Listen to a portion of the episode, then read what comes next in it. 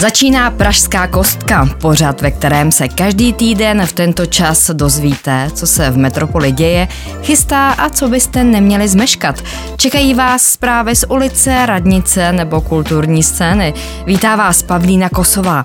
Dnes vám řeknu, jaké novinky vás čekají v Pražské zoo. Vezmu vás na koncert vážné hudby pro nejmenší a nebudou chybět ani pozvánky na velikonoční akce v Praze. Víc už ale za chvíli, Pražská kostka právě začala, máte se na co těšit. Pražská kostka s Pavlínou Kosovou. Johoho, johoho, dneska jdeme do zoo, hned si v pořád do founu a pojď se koukat na faunu. Johoho, johoho, dneska jdeme do zoo, neseď furt u tabletu, když zvířátka máme tu. Pokáč a Zoosong. Přesně tak, minulý týden v Pražské zoologické zahradě hrál Pokáč na slavnostním zahájení 92. sezóny a Zoosong nebyl jediným odhalením dne. Po narození vážila 135 gramů a chovatelé ji museli kvůli nedostatku mateřského mléka ze začátku dokrmovat. Teď už ale podle zoo pěkně přibývá na váze. Řeč je o malé luskounce, která se v Pražské Troji narodila na začátku února a od minulého víkendu víkendu má i jméno. Patrně od spoda nahoru, já to odpočítám, pomalu, aby se to neskácelo, takhle nahoru dozadu, tam ať to spadne, pozor. A je to šiška! Je to šiška! Slyšeli jste dobře, to byla slova ředitele zoo Miroslava Bobka. Luskounka se jmenuje Šiška. Jméno ji vybrali lidé v anketě. A první mládě Luskouna, krátko ocasého, narozeného v Evropě, má i slavnou gratulantku. Pokračuje mluvčí zahrady Filip Mašek slavná osobnost světové zoologie a primatologie Jane Goodall poslala svou, svou zdravici. Slíbila, že na malou luskouní samičku se přijede podívat a připomněla hlavně to ohrožení, kterému luskouni v přírodě čelí. A to nejen kvůli svému masu, ale také kvůli těm šupinám, které mají domělou úlohu v tradiční čínské medicíně. Pražská zoo je teprve druhou zahradou v Evropě, která kriticky ohrožené luskouny chová. Pár těchto savců získal před rokem z Tchajpeje a kromě šišky jsou v Troji i další přírůstky. Narodilo se tam třeba i mládě kočko Dana Brazova. Kde ho můžou návštěvníci najít a v jaké společnosti, i to nám popsal mluvčí zahrady Filip Mašek. Už teď ho lidé mohou vidět v novém pavilonu Goril v rezervaci Ja v jedné z hlavních expozic. Eh, oni kočkodani tu expozici obývají spolu s rezavými pralesními prasaty se štětkouny, takže už ten samotný výběh opic a prasat je zajímavý. O to víc stojí za návštěvu, když tam teď přibylo to malé zvídavé mládě. Zoologická zahrada také spustila novou fázi kampaně Seznamte se. Ta představuje vybrané zvířecí osobnosti, například lva pohodáře Jamana, vzornou tučňácí mámu Sněhurku nebo člunozubce Koronga. Ten sní při jednom krmení až 1 kg ryb a nejradši má kapry. Express. Express. Pražská kostka. S Pavlínou Kosovou.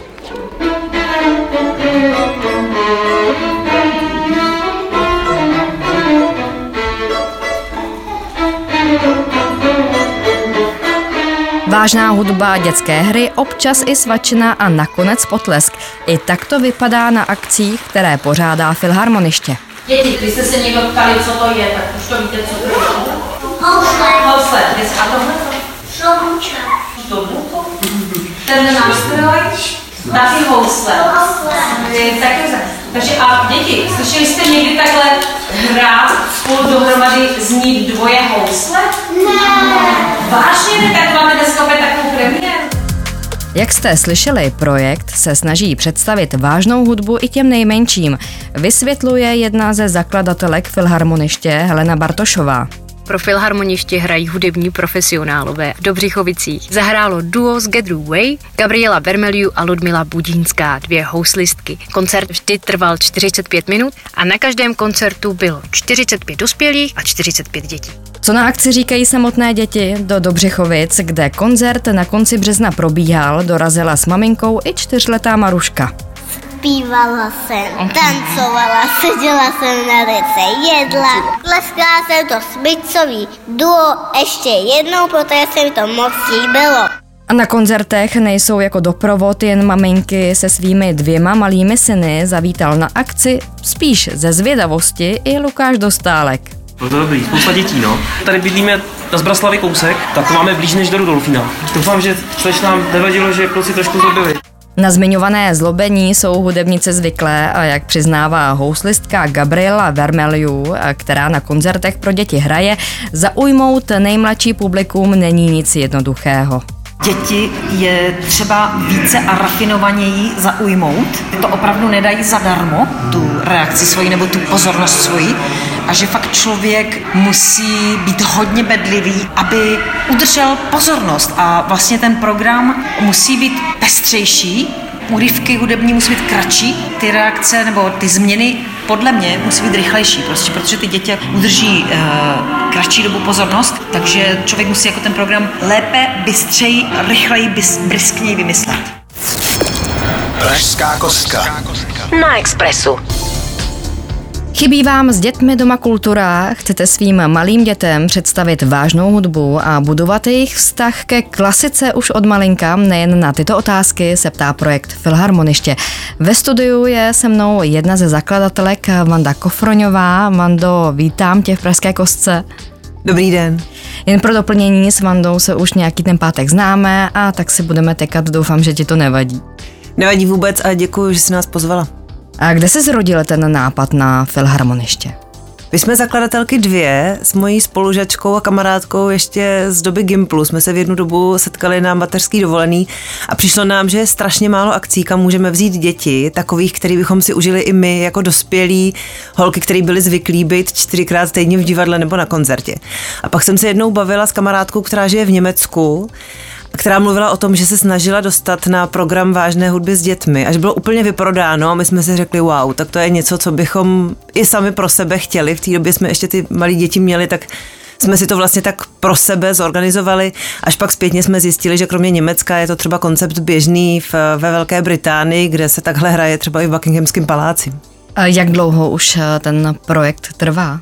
My jsme začali v roce 2018, mysleli jsme si, že to půjde hodně pomalu, ale zájem byl docela veliký, překvapil nás, takže se to začalo rozjíždět rychle, pak nás bohužel zastavil covid. Takže teď jsme zhruba rok zase zpátky a naopak se to rozjelo ještě víc a těch koncertů pořádáme teď třeba 10-15 do měsíce. Je to pro děti všech věkových skupin? Nenudí se tam právě ti nejmenší nezlobí? No pro nás, jako pro ty, kteří si to vymysleli vlastně pro sebe, jsou ty malí úplně nejlepší parťáci, protože ty prostě jenom leží nebo si tam hrajou s nějakou tichou hračkou a jsou úplně spokojení a kolikrát nadšený z toho zvuku, který slyší poprvé v životě. Eh, naopak eh, trošku nudit se můžou spíš ty starší děti, pro ty právě doporučujeme, ale i pro ty menší si to samozřejmě hodí právě vzít sebou nějakou tichou hračku, nějakou svačinu, my sedíme na dekách, takže děti se můžou natáhnout, vzít si polštářek a třeba jenom tak se zaposlouchat. Ale s tím, jak odrostly i naše děti, tak jsme si vymysleli i programy pro trochu starší děti, kde už zapojujeme víc i vzdělávání, takže se děti seznámí s vážnou hudbou, s teorií, s těmi nástroji, něco se dozvědí, to jsou programy pro děti třeba do 8 let, s těma jezdíme i po školkách. Kde všude pořádáte koncerty pro děti? Jsou to akce jen pro Prahu a středočeský kraj? Zatím se soustředíme na Prahu a středočeský kraj hlavně kvůli tomu, že pro hudebníky je náročné dojíždět do vzdálenějších míst. Takže teď přidáváme, a v letošním roce to byl náš cíl, přidáváme městečka a vesnice za Prahou, hrajeme ve Veleni, v Chýni, v Dobřichovicích, přidáváme Rostoky, Říčany, tak aby pro naše hudebníky ještě bylo příjemné tam dojet a zároveň se tam mohli sjíždět lidé z většího okolí. Naší dlouhodobou ambicí je být v celé republice, ale to je ještě hudba budoucnosti. Některé koncerty pořádáte i v kostelech. To nebývá úplně obvyklé. Ty možná narážíš na jeden z našich eh, velmi oblíbených eh, prostorů, to je Atrium na Žižkově. Ten kostel je ale odsvěcený, už od přelomu 19. Eh, a 20. století slouží jako galerie a koncertní síň. Mimochodem je tam jedna z nejpříjemnějších kaváren na tom rozhraní Vinohrad a Žižkov. Tam je nádherná zahrada, takže moc doporučuju. Ale hráli jsme i v kostelech, které nejsou odsvěcené, které normálně fungují. My máme velkou radost, že třeba naše první koncerty se konaly na hájích v tom moderním kostele v komunitním centru centru Matky Terezy, ale i třeba na Korunní ulici v kostele, když jsme pořádali koncert pro Ukrajinu ve spolupráci s americkou ambasádou a eh, charitou, tak jsme uh, hráli v živém kostele nebo v tom fungujícím kostele i v těchto místech děti rádi vidí a jsou rádi, když tam můžou přijít celé rodiny a to je vlastně naše hlavní myšlenka, to jsou ty společné zážitky. Vando, podle čeho vybíráte hudebníky, se kterými spolupracujete? Když jsem se podívala, jaké nejbližší akce pořádáte, tam hrají muzikanti na hoboj, klarinet nebo fagot, to nejsou pro děti moc známé nástroje. Tak jednak my máme velkou radost, že dětem, ale vlastně kolikrát i maminkám můžeme ty hudební nástroje představit a snažíme se o co nejširší paletu těch hudebních nástrojů.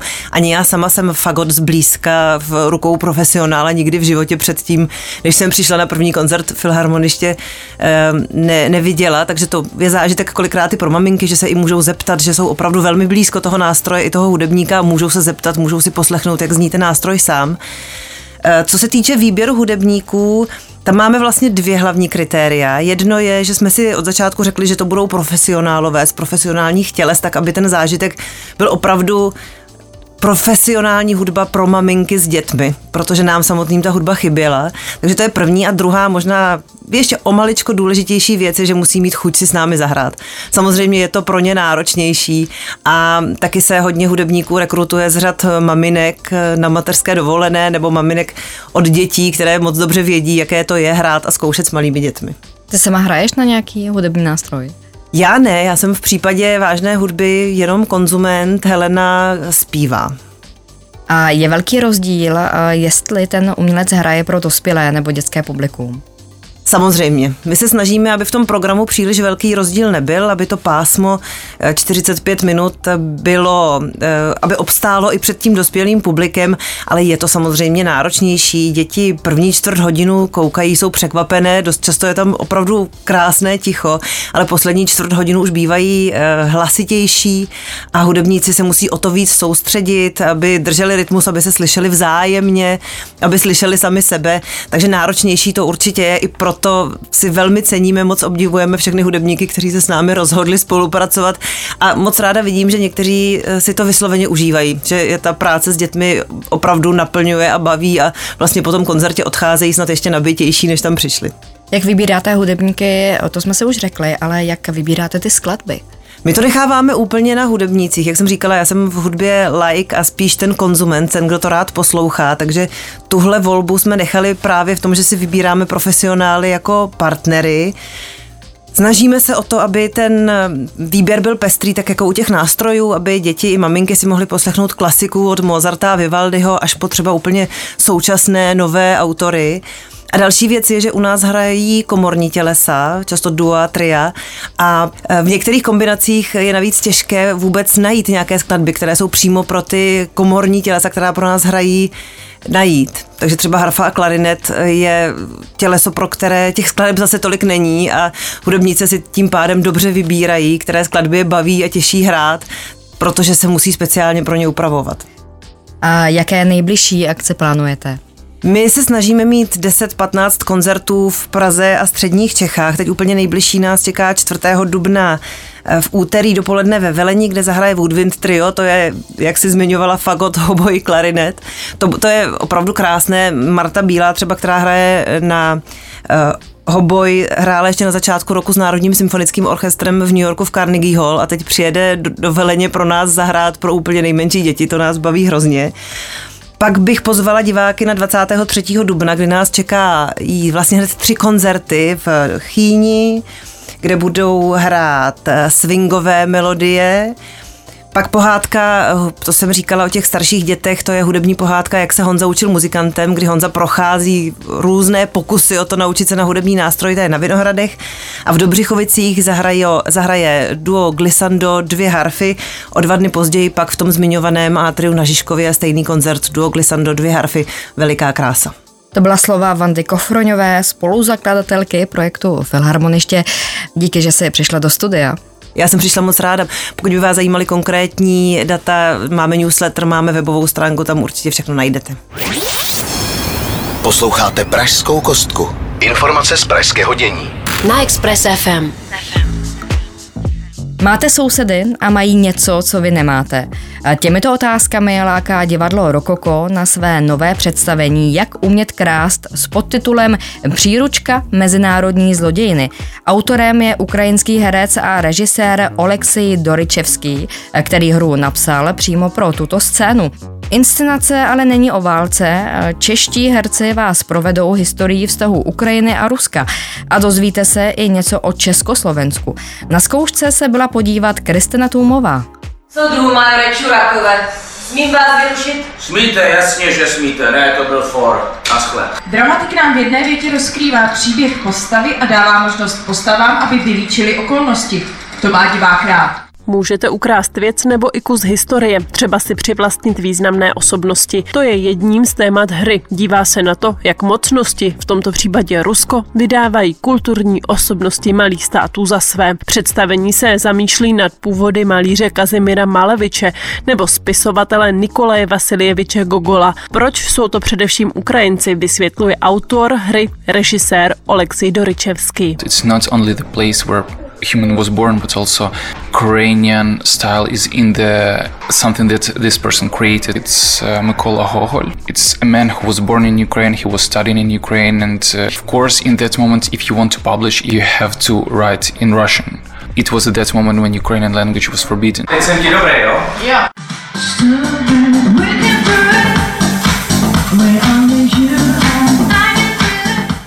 Inscenace také spojuje otázku krádeže a sociální odpovědnosti. Stačí pár malých lží a hned je všechno jinak. I to zní od průvodců představení. Jedním z nich je herec Viktor Dvořák. Divák ale může očekávat, že se zasměje a něco se i naučí, říká. V našem představení se dozvíte, kolik známých eh, osobností kulturního života, malíři, eh, spisovatele a tak dále, takže jsou vlastně původem Ukrajinci, ale jsou považováni už leta eh, za Rusy. Je to komedia triviální eh, kousek, není to žádná tragédie. V lehké nadsázce diváka seznámíme a provedeme ho tou tematikou. V představení hraje také Sára Afašová nebo Beata Kaňoková. Herci na jevišti v několika okamžicích vystupují z role průvodců a vypráví i vlastní příběhy. Kristina Tumová, Express FM. Posloucháte Pražskou kostku. Informace z pražského dění. Na Express FM. Show, která objela přes 30 zemí světa, se v nové úpravě představila i v Česku. Vivaldiano, projekt, za kterým stojí skladatel Michal Dvořák, měl v divadelní úpravě premiéru na prknech Pražské Hibernie. Inscenace propojuje 3D efekty, moderní choreografii, živý orchestr a interaktivní projekci. Na světových pódiích přilákala i představitele Jamesa Bonda, herce Pierce Brosnana. Více už v reportáži Kristiny Tůmové. Víte, jak se mu říká? Il preteroso, srzavej páter. Art rock prolnutý barokními skladbami italského skladatele Antonia Vivaldiho. Show Vivaldiano pomocí 3D efektů a moderních technologií přenese diváka do Benátek. Příběh popisuje autor projektu Michal Dvořák vypráví, myslím, takovou velmi poutavou formou, kterou vymyslel právě Tomáš Belko. To jsou takové jako útržky vlastně z lidí, kteří se pohybovali kolem Vivaldiho, jeho láska, jeho otec. My jsme vlastně zachovali původní aranžmá Antonia Vivaldiho a že jsme se snažili v tom novém pojetí, v tom novém aranžmá se vší pokorou a úctou prostě k jeho dílu umocňovat atmosféry a energie, které v té původní hudbě slyšíme, cítíme a vnímáme.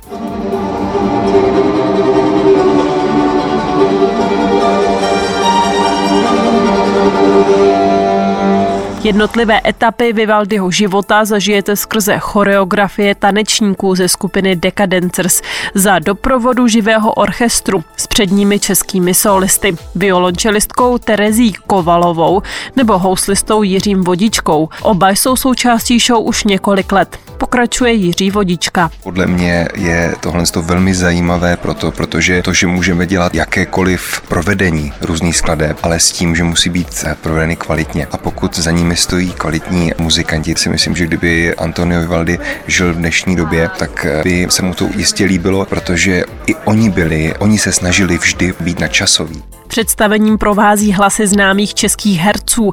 Uslyšíte tak Pavlu Tomicovou, Petra Štěpánka nebo Jiřího Dvořáka.